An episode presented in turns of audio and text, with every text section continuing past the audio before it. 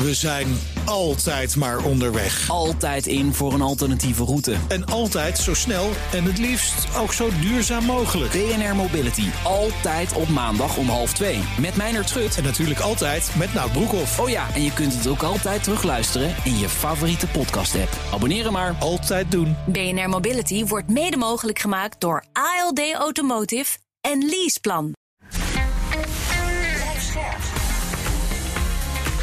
BNR Nieuwsradio. Boekenstein en de Wijk. Hugo Reitsma. Dit is een extra uitzending van Boekenstein en de Wijk in verband met de oorlog in Oekraïne en de crisis met Rusland. Het is zaterdag, dag 59 van de invasie. En terwijl alle ogen gericht zijn op het oosten van Oekraïne, de Donbass, is er nieuws over het zuidelijk front. Ja, laten we daar maar mee beginnen. We moeten even verklaren wat er gisteren gebeurd is. Een hooggeplaatste militair, een Russische militair, heeft gezegd dat het ging niet alleen om de Donbass en de Krim, maar ook dus het hele zuiden en ook dan naar Transnistrië toe. En wat moeten we moeten verklaren? Is dit nou gewoon een afleidingsmanoeuvre of is het bluff? Of is het serieus? Ja. Want, want militair staan ze er natuurlijk niet zo geweldig voor in, in het, in het uh, zuiden. Nee, maar goed, het wordt ook, uh, ja, er is ook een discussie ontstaan of die generaal Minekayev, als ik het goed uitspreek, die trouwens, ja, generaal-major is hij, dus het is ook niet een hele hoge generaal. Uh, of die nou goed geïnterpreteerd is of niet. Hij zegt, hij heeft om precies te zijn, eh, heeft hij gezegd: als we de controle hebben over het zuiden, dan hebben we ook de mogelijkheid om naar Transnistrië, Moldavië, een, eh, een, eh, een opening te krijgen. Mm en dan heeft hij er ook nog een keer bij gezegd: in de toekomst. Ik bedoel, hm. ik ga hem niet zitten verdedigen. Het is allemaal wel redelijk voorwaardelijk en vrij vaag geformuleerd. Maar ik bedoel, wat er op dit ogenblik gebeurt uh, door Rusland is natuurlijk gewoon alles mogelijk. Hè? Er is ook wel eens een keer zo'n raar verhaal geweest. Weet je nog, met een kaart die, uh, hoe heet die, die knakker van, uh, van Belarus? Lukashenko. Lukashenko, dat hij op tv uitlegde over het Russische offensief. En daar stond ook toen een pijltje richting Transnistrië en Moldavië. En toen heeft, heeft Moldavië ook officieel opheldering gevraagd in Belarus. En hebben ze daar excuses voor aangeboden. Maar het is wel een terugkerend verhaal. Ja, ja en nu ook weer hetzelfde argument als dat uh, gebruikt wordt uh, in de Donbass. Namelijk dat Russische uh, taligen onderdrukt worden. Ja. en dat is wel een, een signaal dat het dan ook de bedoeling is om die Russisch-taligen te beschermen. Ja. En dus even, Transnistrië, dat is een afvallige regio van Moldavië. Moldavië is ook een oud Sovjetrepubliek. Er ja, zitten, klopt. wonen dus ook veel Russen. Ja, het zou kunnen dat dat voor Poetin ook een, een doel zou zijn. Ja, er zitten ook 1500 Russische soldaten zitten daar dus al in Transnistrië. Ja.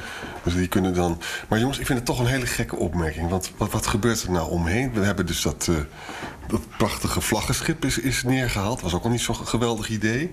We zien vandaag in Gerson, dat is natuurlijk ten noorden van de Krim, hè, een commandopost van de Russen. Volgens de Oekraïners is dat dus aangevallen.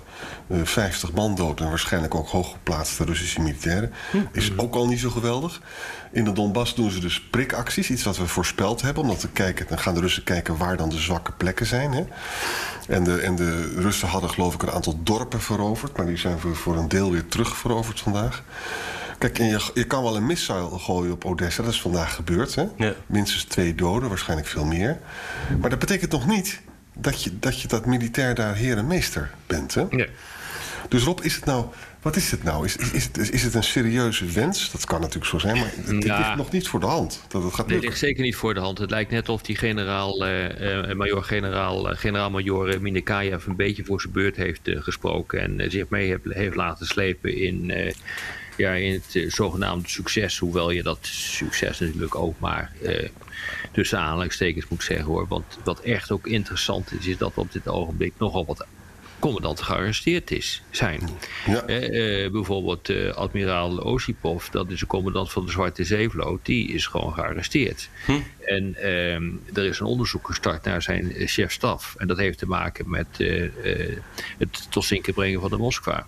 En, de, en, en, hier blijft het niet bij. Hè? Als je kijkt naar andere commandanten van eenheden, ook zeg maar in het oosten, maar ook in het zuiden, die zijn ook of gearresteerd of er lopen onderzoeken tegen. Bijvoorbeeld uh, de commandant van, tweede, uh, van het 22e legerkorps. Ja, dat is maar een van de veel, vele voorbeelden gewoon die opgepakt is. Ja, goed. Ja. Allemaal wegens wanbeleid. En, en tegelijkertijd, dus aan de andere kant, aan de Oekraïnse kant, staat een heel mooi stuk in de Financial Times, ook in de New York Times. Eindelijk met wat getallen en ook uh, tijden over de wapenleveranties. Hè. Er wordt mm. gewoon gezegd in dat stuk van de FT van de Amerikanen zijn niet meer zo bang dat uh, Rusland het kernwapen gaat inzetten. Waar dat op gebaseerd is, weet ik niet. Nou ja, dat is natuurlijk het hele punt, ja. Jan. Dat die discussie hebben we vaker gevoerd. Veel van die dingen die worden geroepen. Ja. En dan kan ik niet zien waar het op gebaseerd is. Dat ik zou ik wel graag willen weten. Willen weten. Maar ik stel me dus voor dat de FT heeft met een hooggeplaatste Amerikaanse ambtenaar of militair gesproken. En die heeft dat dan gezegd. Maar goed, het is wel duidelijk, jongens. Er worden gewoon ongelooflijk veel wapens geleverd. Canada en Amerika gaan dus samen die M777 houden houwitsers doen. Mm. Engeland uh, geeft tanks aan Polen en de Poolse tanks aan de Oekraïne. Maar ik vond dus ook dit... Elke dag komen er 8 tot 10 cargo flights aan in Polen. En ze beweren dus dat vanaf Washington, ik noem maar wat, vanuit Amerika naar de Oekraïne kunnen wapens tussen de 48 en de 72 uur in Oekraïne worden gezet. Zo, ja. Nou ja, dat, dat, heb ik nog nooit gelezen. Het kan trouwens ook zijn dat dat misschien staat op de periode tussen Polen en Oekraïne. Dat, kan, dat lijkt me eigenlijk meer voor de hand liggen. Mhm. Maar goed, het, de sfeer in het stuk is van de Amerikanen gaan gooien alle remmen los. En, en, uh, ze, ze, en ze zijn niet meer zo bang voor het kernwapen. En nu krijgt dus de Oekraïne krijgt ongelooflijke uh, grote, zware wapens. Ja. Dat brengt dus Hier, Misschien nog even oh. aardig, aardig Jan, om uit te leggen hoe, hoe dat functioneert. er is dus door een aantal landen, Oekraïne zit er ook bij, een, een European Command Control Center Oekraïne eh, opgericht. En dat zit in Stuttgart, dat is een Amerikaanse basis. Mhm. Eh, en daar komen de wensenlijstjes van Zelensky, om het maar heel simpel te zeggen, eh, die worden naartoe gestuurd. Dan wordt er gekeken wat er gedaan moet worden. En dan wordt dat allemaal gecoördineerd tussen landen. En dan komt zo'n zo'n vlucht, die komt dan aan, nou bijvoorbeeld in Polen. Uh, en vervolgens kan het dan verder gaan. Maar, dat, zeg maar de centrale meldkamer, uh, die zit daarvoor in Stuttgart. Goed. Ja. Ik las overigens eh, in dit verband ook dat het Pentagon zou inschatten dat door Russische verliezen en de, herbevoorrading van Oekraïne vanuit eh, Europa en de VS, Oekraïne op dit moment meer tanks dan de Russen zou hebben op het slagveld. Ja, ja, nou ja die, die, cijfers kunnen we niet goed, uh, goed controleren. We weten ook niet hoeveel uh, Oekraïnse militairen uh, er zijn. ja, dat ja daar moet je dan maar vanaf op afgaan. Maar ja, ik weet niet of het waar is. En, wat je dus ook ziet, dat sommige mensen gaan op basis van die getallen dus nu zeggen dat uh, de Oekraïners gewoon gaan winnen. En dan, dan, hebben ze het ook over dat ook de Russen helemaal de Donbass worden uitgejaagd. Ik vind dat nogal grote uitspraak hoor. Ja, ik vind dat ook, Arend-Jan. Uh, kijk, ik zie ook alweer dat het doel... Uh, van deze nieuwe wapenleveranties, uh, die volgens sommigen veel te laat komen, maar goed, dat dat doel aan het verschuiven is. Het gaat er nu, voor, nu om uh, dat Rusland uh, de Donbass niet helemaal in zijn bezit neemt. Uh, en een overwinning kan claimen. dus dat is echt wat anders dan het uit de land bonjouren van, van Russen. Dat is echt totaal iets anders. En als je gewoon kijkt wat er in het zuiden is gebeurd, dan hebben ze gewoon toch Mariupol en de hele zuidelijke flank hebben ze in handen gekregen. Uh, het grootste deel van uh, de oostelijke flank hebben ze ook in handen. Dus het gaat inderdaad om, om, om, om relatief bescheiden winst en bescheiden doelstellingen nu op dit ogenblik van westerse kant. En wat ik ook zo interessant. Deze voorspelling werd dus gedaan door uh, die professor A.E. Elliott hè, van Johns ja. Hopkins. Dat is een grote naam. Niks mis met die man. Maar dit, ik vind het zo'n ontzettend bouwde bewering. Nou ja, ik heb die tweet heb ik ook gezien, dat hele draadje. En dat wordt ook niet onderbouwd. Nee. Ja, dat is mijn. Ja, weet je, er zit natuurlijk echt een hele hoop wensdenken bij. Hè? Ik bedoel, ik denk dat ik ook namens uh, ons drieën kan spreken als wij ook hopen dat, uh, dat Zelensky dit, dit redt. En dat die Russen daar uh, uit dat land worden gegooid. Ik ben de grootste van Poetin, ik denk anders over. ja, dat is gewoon hele slechte pers bij ons. ja, je lijkt wel Le je lijkt Le Pen wel, maar goed. nee, maar, ja, weet je, maar het probleem is natuurlijk dat je gewoon ook even moet kijken wat er al veroverd is. dus ja. het is heel lastig uh, om dat in, uh, met, met de, de, levering van zware wapens gewoon ongedaan te maken. Ja, en wat ik, me, kijk, wat ik me kan voorstellen is dat er. Ze krijgen nu veel meer wapens en ze doen het ook heel goed. Ja. Maar dat betekent dan helemaal niet dat, dat, dat je dan ook de Russen helemaal uit de Donbass slaat. Wat je krijgt is dat ze misschien een deel van de Donbass kunnen terugveroveren. En dan komt er, een, er komt onvermijdelijk een padstelling, lijkt me. Ja, maar, maar dus deze, deze leveranties, nogmaals, zijn vooral bedoeld om ervoor te zorgen dat die de rest van de Donbass niet kan veroveren. En dat is wat anders dan terugveroveren. Exact zo. Ja. Misschien nog een nieuwtje van het diplomatieke front. Eh, VN-secretaris-generaal Guterres die Ja. praat dinsdag met Poetin in Moskou. En gaat ook eh, eh, naar Kiev om Zelensky Ja, te dat is dus- spreken. Nou, dat is dus heel goed. Eh, In, in, in- niet dat ik denk dat er wat uitkomt, maar in ieder geval, kijk, die VN was al afwezig. Ja, en nu is dat een klein stapje. Ja, het probleem, het dilemma is natuurlijk wel, hij, natuurlijk moet hij het doen. Maar als hij dus niks bereidt, en die kans is, is ongeveer 100%, dan toon je ook wel weer de zwakte van de VN. Maar goed, dat, Ja. dat worstel je Nou ja, altijd. dat eh, weten we, ja. We hebben een lezersvraag van eh, Ah. die, on, die noemen ons Knabbel en Babbel. Vind ik wel heel leuk van die jongen.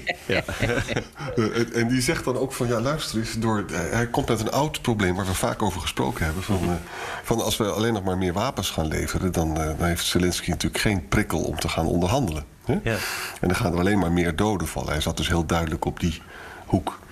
En ik vind het wel goed dat dat weer genoemd wordt. Want dat, kijk, met het oude dilemma tussen... Wil, gaat het om rechtvaardigheid of gaat, wil je vrede? Hè, er zit spanning tussen die twee dingen. En zeker als het heel lang gaat duren... dan lopen de kosten wel erg op. Dan sterven er gewoon heel veel mensen. Je moet ook als Westen heel erg goed weten wat je aan het doen bent. Kun je Zelensky aan een overwinning helpen, dan moet je doorgaan. Op het moment dat dat niet kan, eh, dan leidt het uiteindelijk tot een padstelling. Ja, en dan zul je moeten aansturen op een, eh, eh, op een staakt het vuren. Niet op een vredesakkoord, waarbij die gebied opgeeft. hè. Dat is echt wat anders, een vredesakkoord, maar op een staakt het vuren. Ja. En ehm, ja, eh, ik kan dat niet goed inschatten op dit ogenblik. Ik, wat, wat ik wel weet, is dat beide of alle partijen vinden dat de tijd niet rijp is om eh, op dit ogenblik aan te sturen naar een staakt te vuren. De Russen die willen eerst eh, dat grote offensief eh, van de grond krijgen. Zelensky die ziet dat er wapens komen en denkt dat hij de Russen althans tot stand kan brengen. Misschien niet helemaal kan terug, eh, eh, terugduwen.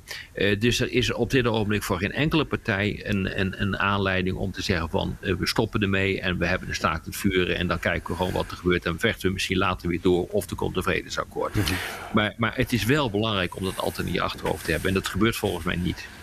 En nog even een scenario, Rob. Van stel je nou eens voor dat eh, de Oekraïners de komende weken het heel goed doen... en de Russen tegenslag op tegenslag krijgen... dan is dat dus rampzalig voor Poetin. En dan lijkt het mij alleen maar logisch... dat de inzet van een eh, tactisch kernwapen dichterbij komt. Hij moet mij, gewoon mij, ook, mij, mij ook. Maar het is ook rampzalig voor het Westen, met name de Verenigde Staten, als dit niet goed loopt met Zelensky. Dat moet je dus ook realiseren. Ja. Je krijgt dus nu een situatie waarin beide partijen niet meer kunnen verliezen. Dit begint een precisiestrijd te- te worden, eh, waarbij de Amerikanen moeten doorpersen en eh, de Russen ook. Eh, En dit, dit gaat om iets veel groters. Het gaat ook om eh, de vraag van wat is Amerika nog waard als supermacht? Eh, en dat weet Biden heel erg goed. En dus dit is echt voor, eh, voor Biden een geweldige testcase. Want als zij dit niet tot een goed eind brengen, eh, dan zul je ook zien dat China denkt van nou, het valt allemaal wel mee met die Amerikanen. Ja, oké. Eh, onder dankzegging aan eh, Mike voor de goede vraag aan Knabbel en Babbel. Eh, dank ik jullie ook weer voor vandaag. Heel goed. Tot morgen. Tot morgen. Hoi, ik ben Geert-Jan Haan van de Perestrooikast. Een Russische socioloog in ballingschap met de naam Alexander Biekbov is de nieuwste gast in de Perestrooikast. Floris en ik hebben met hem gesproken in Parijs en we spraken met hem over Frankrijk, over Italië, landen die Poetin toch nog blijven steunen, die die banden niet willen loslaten. En tegelijkertijd zeggen ze dan in Italië: wat een uitslover, die Zelensky. Over die Europese narratieven richting Rusland en vice versa hebben we het in onze nieuwste Perestrooikast. Zoek hem op in je podcast-app.